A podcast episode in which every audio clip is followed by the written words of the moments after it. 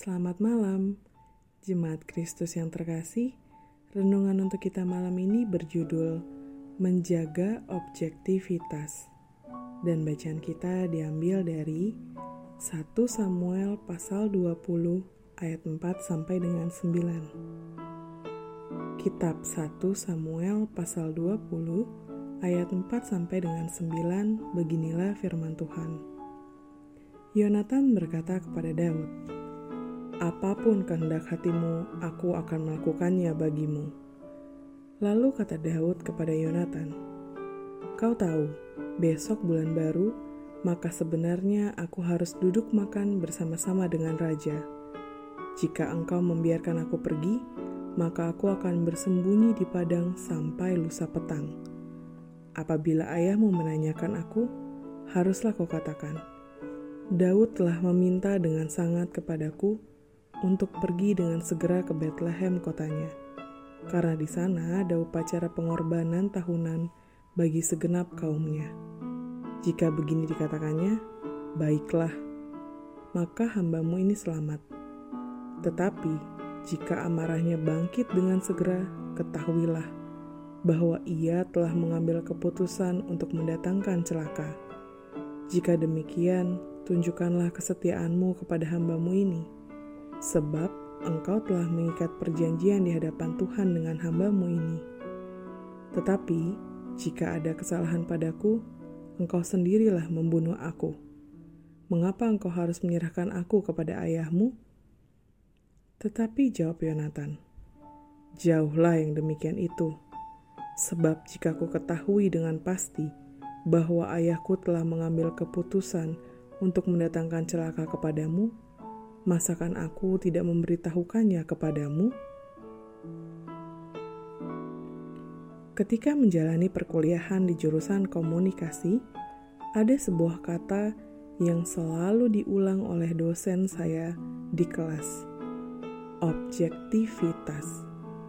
Objektivitas adalah salah satu prinsip terpenting untuk para calon awak media Ketika berbincang dengan rekan dari jurusan sains, ternyata prinsip yang sama juga bergema di kelasnya. Menurut sang profesor di sana, objektivitas adalah kunci sukses seorang peneliti. Tampaknya prinsip objektivitas ini telah menjadi kaidah kencana di bidang apa pun.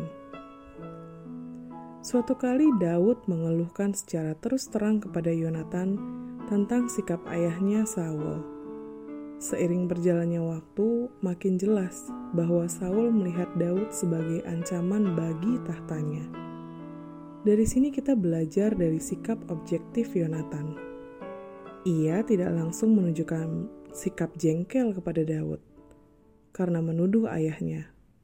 Sebaliknya, ia juga tidak langsung terprovokasi oleh Daud untuk ikut menjatuhkan Saul dengan prinsip objektivitas dan pengetahuan bahwa Daud berada di pihak yang benar, Yonatan mengajak sahabatnya yang kalut itu untuk mencari jalan terbaik.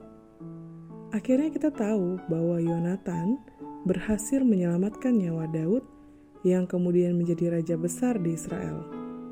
Meski untuk itu, Yonatan harus mengorbankan kesempatannya sendiri untuk naik tahta. Sikap objektif dapat membawa perubahan yang nyata dalam kehidupan ini. Seseorang yang bersikap objektif akan berusaha menempatkan diri dalam posisi yang netral, tak berpihak. Dari situ, seseorang dapat memberikan sumbangsi dan solusi positif bagi pergumulan orang-orang di sekitarnya. Tuhan pun disenangkan melaluinya. Ketika Anda memutuskan untuk bersikap objektif, anda memutuskan untuk berjalan dalam kebenaran. Demikianlah renungan malam ini. Semoga damai sejahtera dari Tuhan Yesus Kristus tetap memenuhi hati dan pikiran kita. Amin. Jemaat yang terkasih, mari kita bersatu hati menaikkan pokok-pokok doa yang ada dalam gerakan doa 21 GKI Sarua Indah. Mari kita berdoa.